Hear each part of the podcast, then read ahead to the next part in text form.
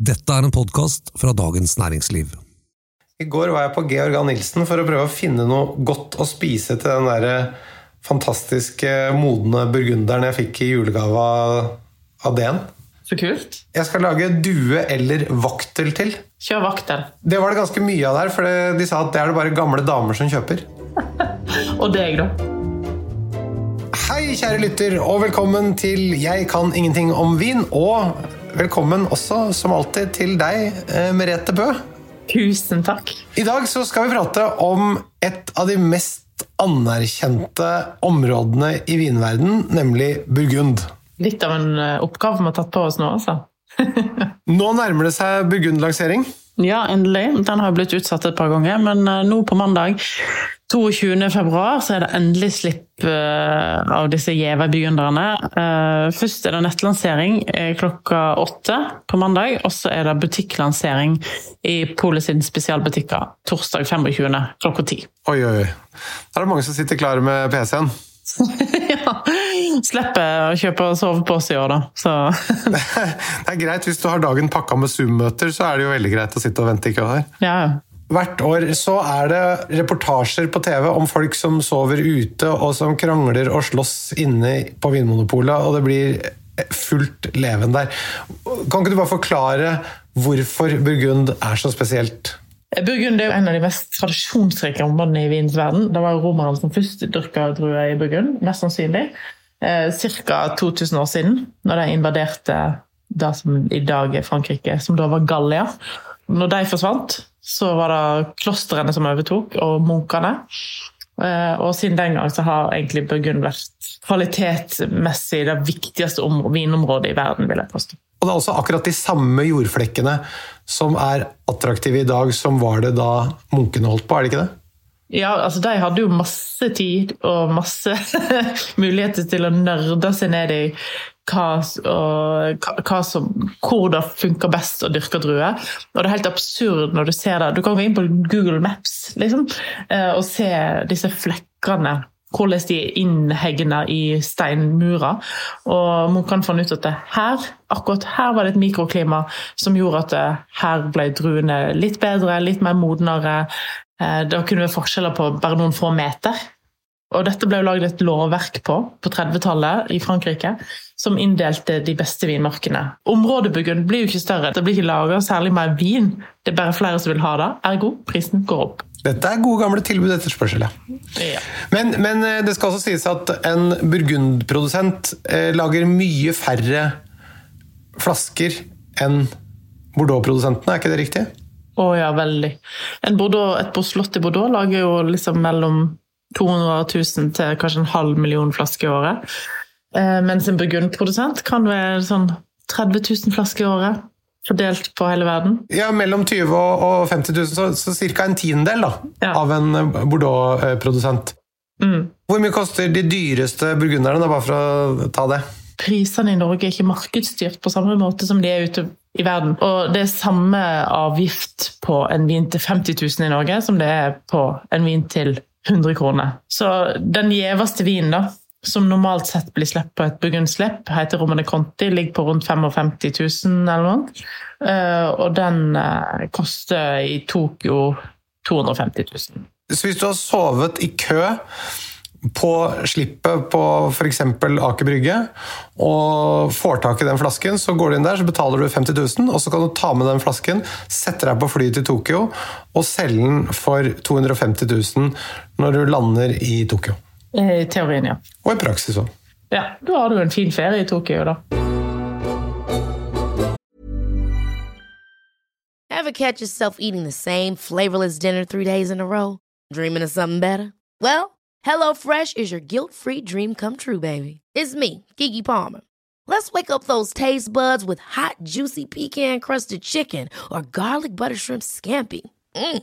Hello Fresh. Stop dreaming of all the delicious possibilities and dig in at HelloFresh.com. Let's get this dinner party started.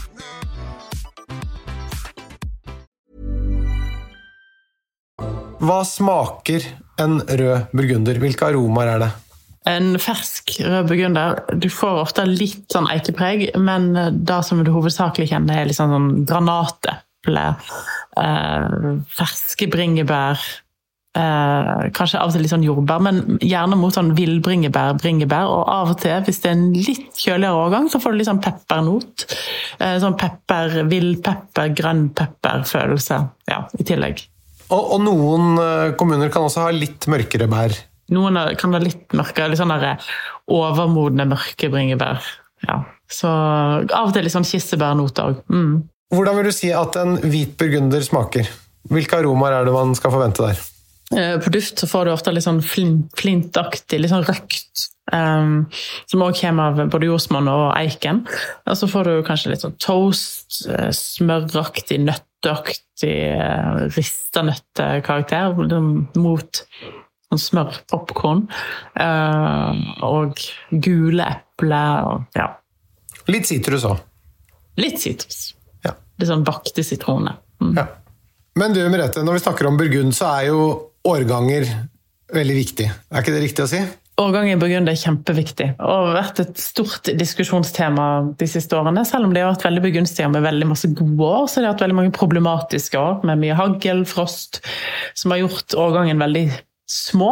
Men også hvis det, blir, eh, hvis det er for varmt, for da mangler jo vinene ofte syre, og de blir litt sånn alkoholrike og tunge.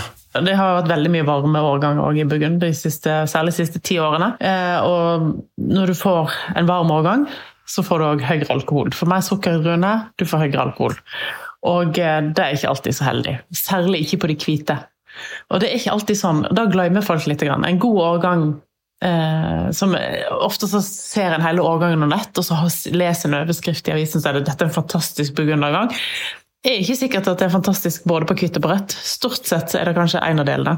Jeg må bare si at Som forbruker så tror jeg har til gode å lese om en dårlig årgang. Jeg syns alltid at importører, produsenter, alle som selger vin, snakker alltid om positivt om den årgangen de skal selge.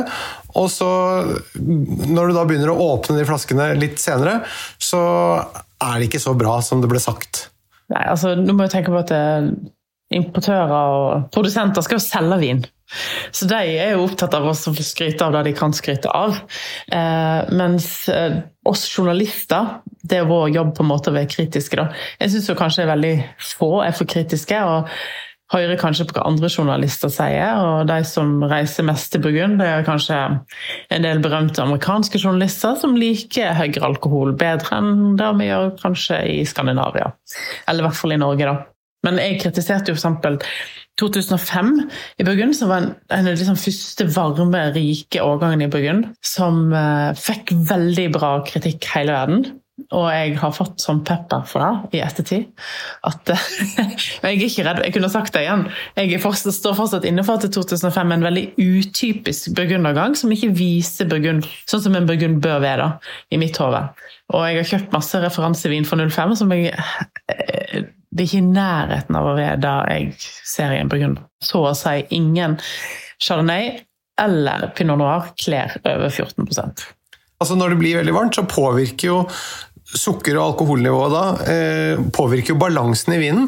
Mens hvis du ser nettopp som du sier, på internasjonale vinanmeldere, sånn, så er det jo veldig ofte sånn at eh, scoren på de beste vinene ligger alltid godt over 90 poeng for de som bruker den skalaen. Og, og da, eh, mens, mens, så man har ikke trukket for at balansen i vinene ikke er god nok i enkelte årganger. Ja.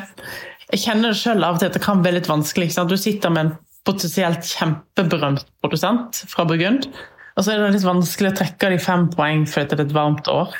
Selv om jeg tenker at uh, den ville ikke jeg ha kjøpt. Jeg får litt inntrykk av at uh, vinjournalistikken av og til bærer litt preg av, uh, og forståelig nok, da, at man, man sitter der med, uh, med vedkommende. Selvfølgelig.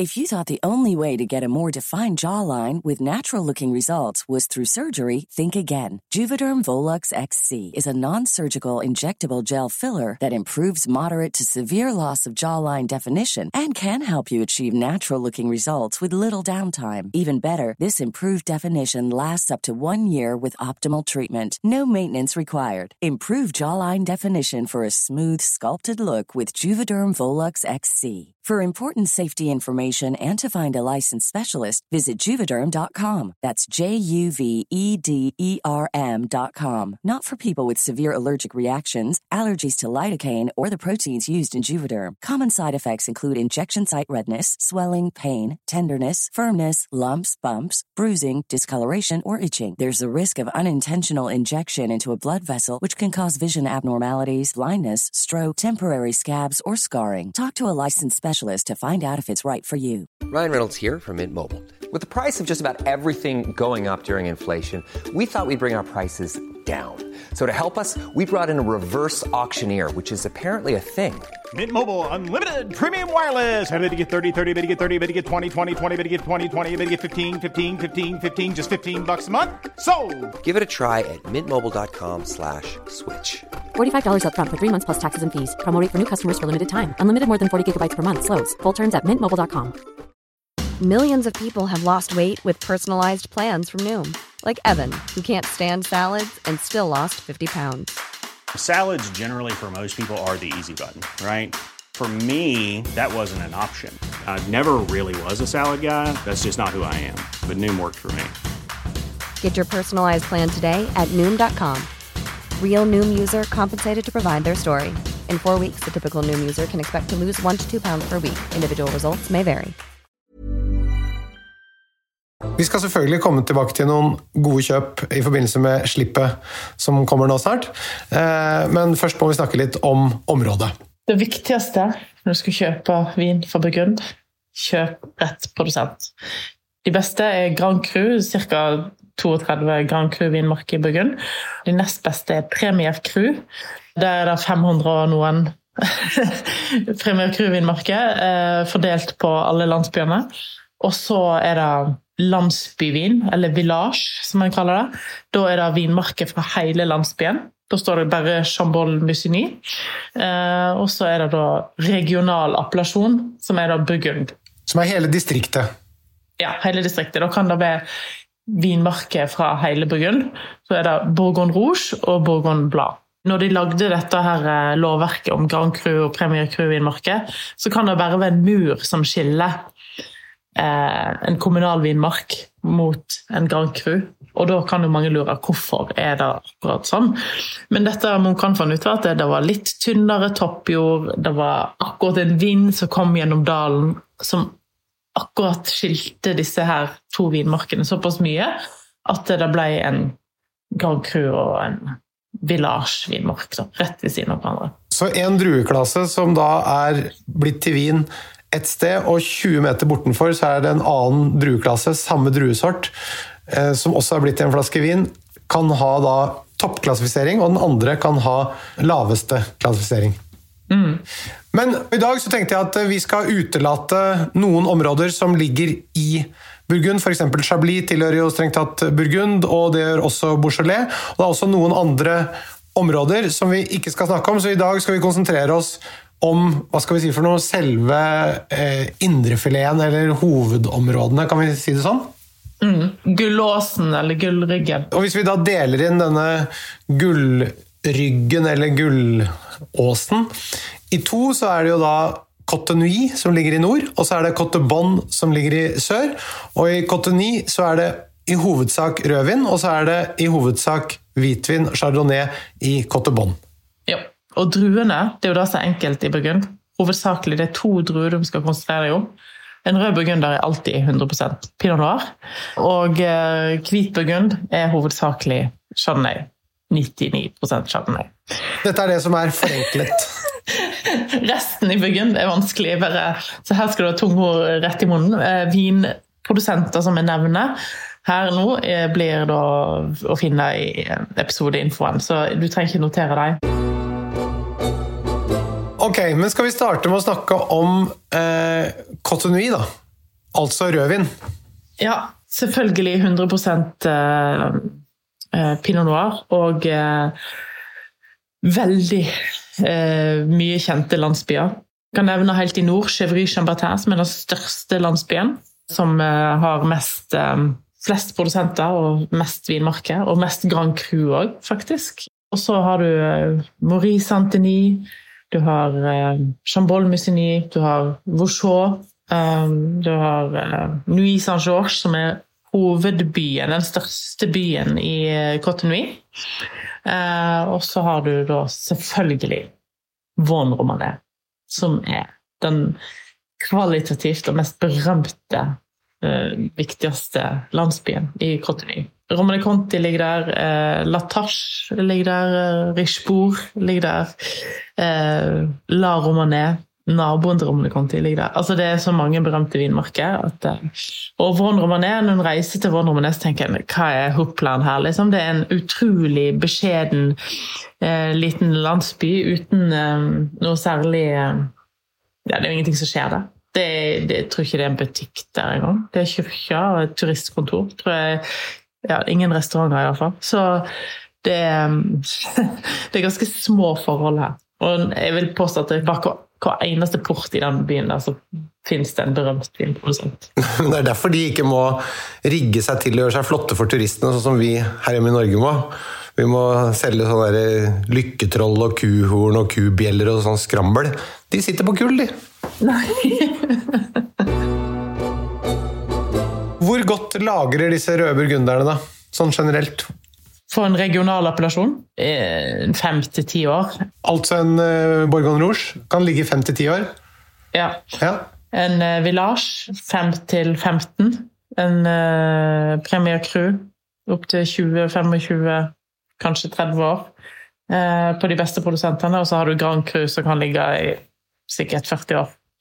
Noe sånt. Men dette er jo veldig produsentavhengig. Noen produsenter lager jo vin som du vil, vil ikke anbefale å la ligge så lenge, mens andre kanskje lenger. Så dette er jo litt generelt. Og i forhold til eh, Bordeaux så er det jo ikke det samme eh, tannintrykket her, sånn at det er derfor du ikke er like streng, antar jeg, med, å, med når man kan begynne å drikke disse vinene. Nei, altså Du kan jo begynne å drikke dem med en gang, og så kan de gi litt lite.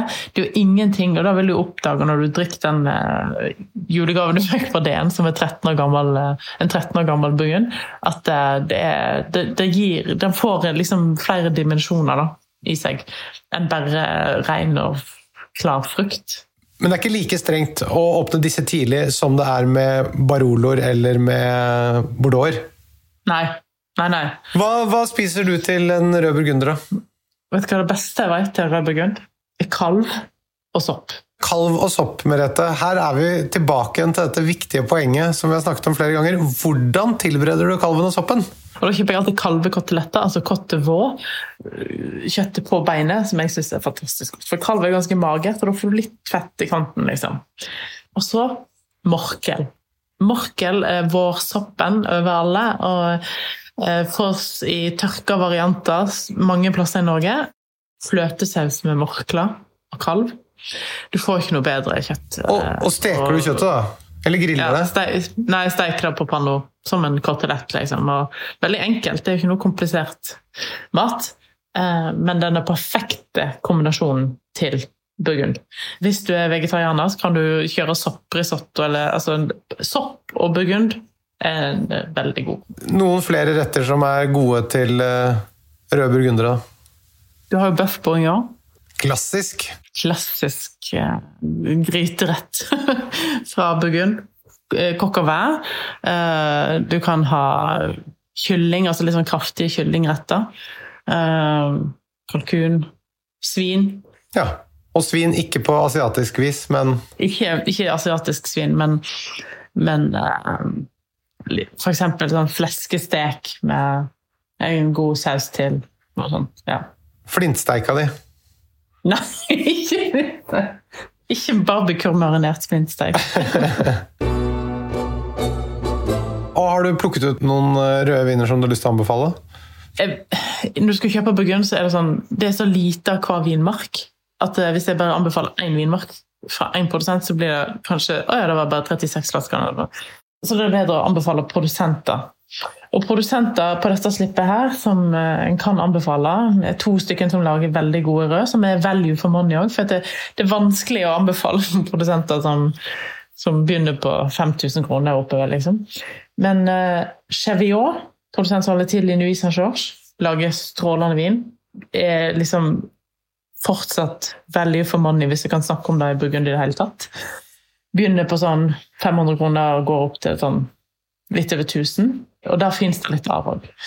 Eh, en annen produsent, eh, Kokar, som eh, lager bl.a. Von Romanet, koster òg for så vidt ganske lite i forhold til konkurrentene å lage strålende vin. Og Det er jo en sånn up and coming produsent, så derfor så koster ikke de så mye ennå, men de kommer nok til å koste mer. Andre er f.eks. Dusjak, som for første gang meg bekjent er tilgjengelig på spesialslipp i Norge som lager bra vin, og som eh, Ja. Men så er det òg sånn at eh, det er rundt 500 viner på slippet, og så har de spart de beste Altså de mest ettertrakta har de spart til fysisk slipp i butikken. Eh, blant annet Romane Conti, Domaine Romane Conti sine viner og Arman Rousseau, som holder til i Chiveri Chambertin. Og sikkert noen til. De, ikke, de kunne ikke komme ut med alt, alle detaljene enda, men, eh, så de blir nok venta med, ja. Mm. Fortsatt så skal Romania Conti gå til en som er villig til å sove i telt. Ja.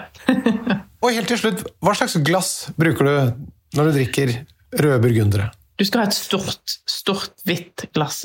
Og det jeg bruker mest, som jeg syns fremhever frukten mest i vinen, det er New World Pinot Noir fra Riedel, eh, som eh, heter Veritas, er det det det heter? Jo. Og de har jo et som heter Performance, som har litt sånne riller i glasset. Det syns jeg er veldig bra.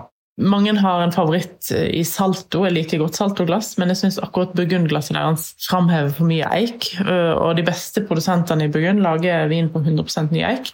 Og når de er ferske, og du putter det i saltoglass, så framhever da eiken veldig. og Du får ikke tak i nyansene i frukten på samme måte. Og, og det glasset, New World Pinot-glasset det er det som har den lille knekken på kanten øverst? Ja. Som ser litt rart ut hvis man ikke er uh, vant til det.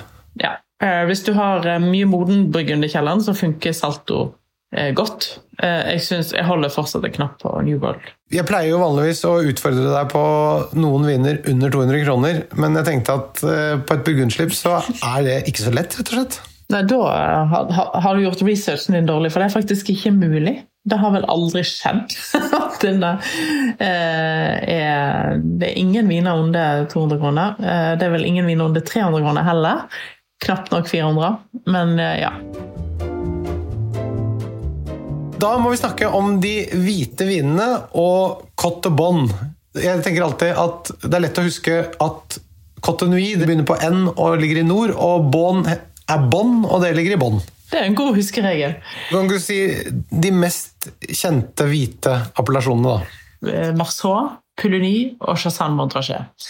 Eh, de ligger rett etter hverandre, to kilometer imellom hver landsby. Fin sykkelavstand, ganske flatt og fint. Og vinmarkene ligger på oppsiden av landsbyene i en sånn ja, fin sånn åskram, der den mest berømte heter da Montrachet. Eh, som har blitt da, kanskje verdens mest berømte hvitvinsvinmark. Vinstilen på hvite burgundere, da? Eh, hvite burgundere har på en måte spredd seg over hele verden. fordi at eh, Hvit burgund er da chardonnay lagra på eikefat eh, med en sånn flott mineralsk tone som du ikke kan etterligne, selv om veldig mange prøver.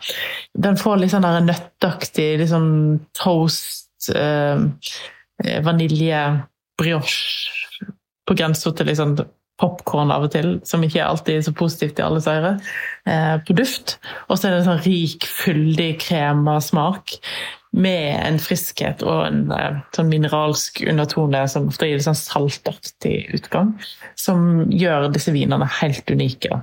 Men det er også en vinstil som har vært litt i utvikling. For hvis jeg hadde spurt deg for 10 eller 20 år siden, tror du du hadde fremhevet mineraliteten først da, eller tror du kanskje hadde sagt at den var nøttete og smørrete?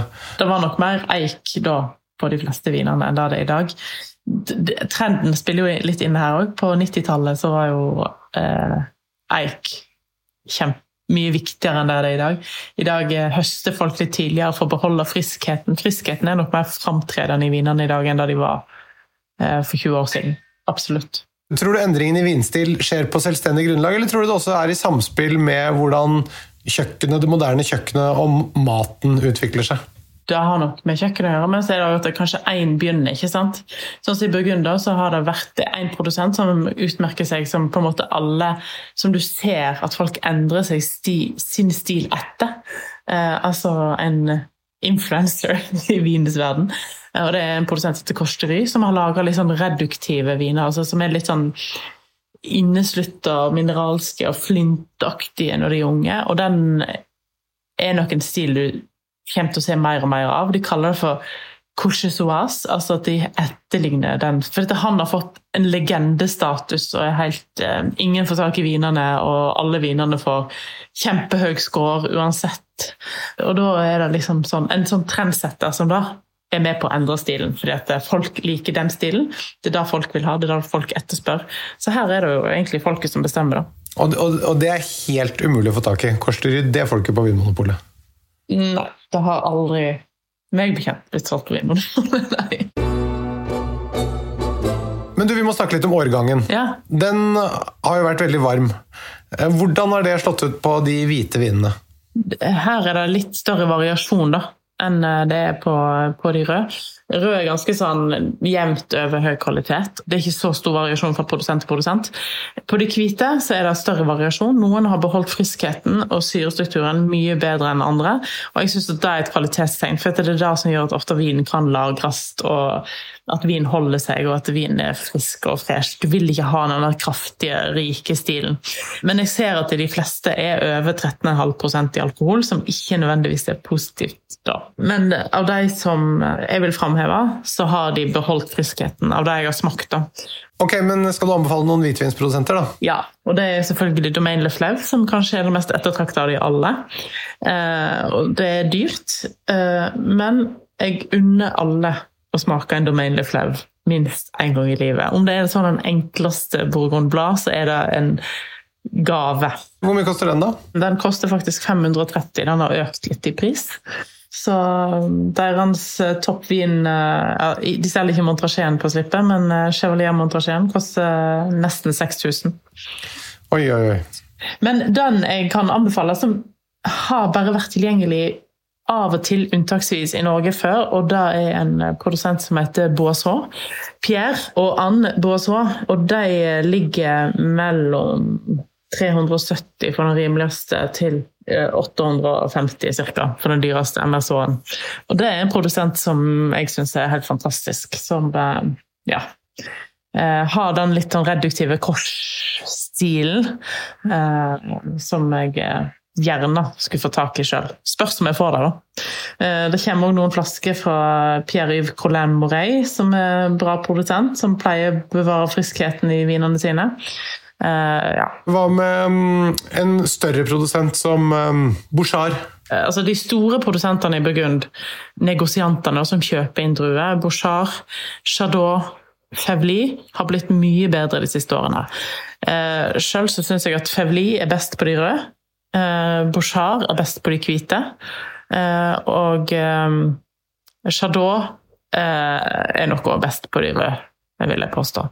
Men av de så er det kanskje Fevli som har hatt den største framgangen. Eh, og så har Bouchard kommet etter, mens Chardot halter litt tilbake. Men, men, her er det selvfølgelig unntak. Chardot kan plutselig komme med en fantastisk vin. De kom med en fantastisk Bosseron nå, eh, blant annet, fra Burgund. Så, så ja. Men de store skal du kjøpe litt sånn De er litt rimeligere. Det finnes selvfølgelig mange flere flasker. Det å kjøpe disse da, henholdsvis noen av dem på hvite og noen av dem på røde, det er ikke så dumt hvis mye er utsolgt, da, og man vil ha noe på dette slippet. Selvfølgelig. Eh, en annen produsent som eh, blir tilgjengelig med flere viner eh, enn normalt, er Rouleau. Jean-Marc Rouleau. Som òg pleier å være ganske fresh i stilen. Så... Kommer det på, på slippet nå? Ja. Oi, oi, oi. Hva spiser du til hvitburgund, da? Nei, altså Hvitburgund er jo veldig matvennlig. Du kan ha det til, til hummer, til, til skrei. Altså smør, hvit burgund, hvitfisk, kveite og piggvar. Det er ikke den rette kombinasjonen til mølja, for å si det sånn. Hvis du skal tenke lever og rogn og sånne ting, da synes det blir litt voldsomt. Men hvis du skal lage litt mer sånn klassisk med smørsaus, Sandefjordsmør, kan til og med få litt bacon på hvis, hvis du må ha det, så er det en veldig god kombinasjon. Så hvit burgund, smør og fløte, da blir det fest. Mm. Da er det bare å logge seg inn og plukke det du får, og så vente på beskjed om at halvparten ikke kommer, og allikevel ta det med godt humør. Eh, det fins 1330 hvite burgundere på polet i bestillingsutvalget. Og det fins 1700 røde burgundere i bestillingsutvalget. Forskjellige. Så hvis ikke du får noe av det du hadde lyst på på, på mandag, så eh, kan du gå i butikken på torsdag og se hva som, hva som ligger igjen. Eller du kan bestille i bestillingsutvalget andre viner som er tilgjengelig. Ok, takk for i dag. Vi snakkes igjen om en uke. Det gjør vi. Den uh, vaktelen Ja. Når du snakker om gamle damer, du skal ikke lage en sånn som Babettes gjestebud i sakrofag. Butterdeigskiste. Butterdeig det fikk jeg nok av etter at jeg var og spiste på restauranten til han der Paul Bocuse. Det var så mye butterdeig og smør og fløte at jeg er mett ennå, og det er over ti år siden. Planning for your next trip? Elevate your travel style with Quince. Quince has all the jet setting essentials you'll want for your next getaway, like European linen, premium luggage options, buttery soft Italian leather bags, and so much more. And it's all priced at 50 to 80% less than similar brands. Plus, Quince only works with factories that use safe and ethical manufacturing practices. Pack your bags with high-quality essentials you'll be wearing for vacations to come with Quince. Go to quince.com slash trip for free shipping and 365-day returns. Hold up. What was that? Boring. No flavor. That was as bad as those leftovers you ate all week. Kiki Palmer here, and it's time to say hello to something fresh and guilt-free. Hello Fresh. Jazz up dinner with pecan-crusted chicken or garlic butter shrimp scampi. Now that's music to my mouth. Hello Fresh. Let's get this dinner party started. Discover all the delicious possibilities at hellofresh.com. Mom deserves the best, and there's no better place to shop for Mother's Day than Whole Foods Market. They're your destination for unbeatable savings, from premium gifts to show-stopping flowers and irresistible desserts. Start by saving 33% with Prime on all body care and candles. Then get a 15-stem bunch of tulips for just $9.99 each with Prime. Round out Mom's menu with festive rosé, irresistible berry chantilly cake, and more special treats. Come celebrate Mother's Day at Whole Foods Market. Du har nå hørt en podkast fra Dagens Næringsliv.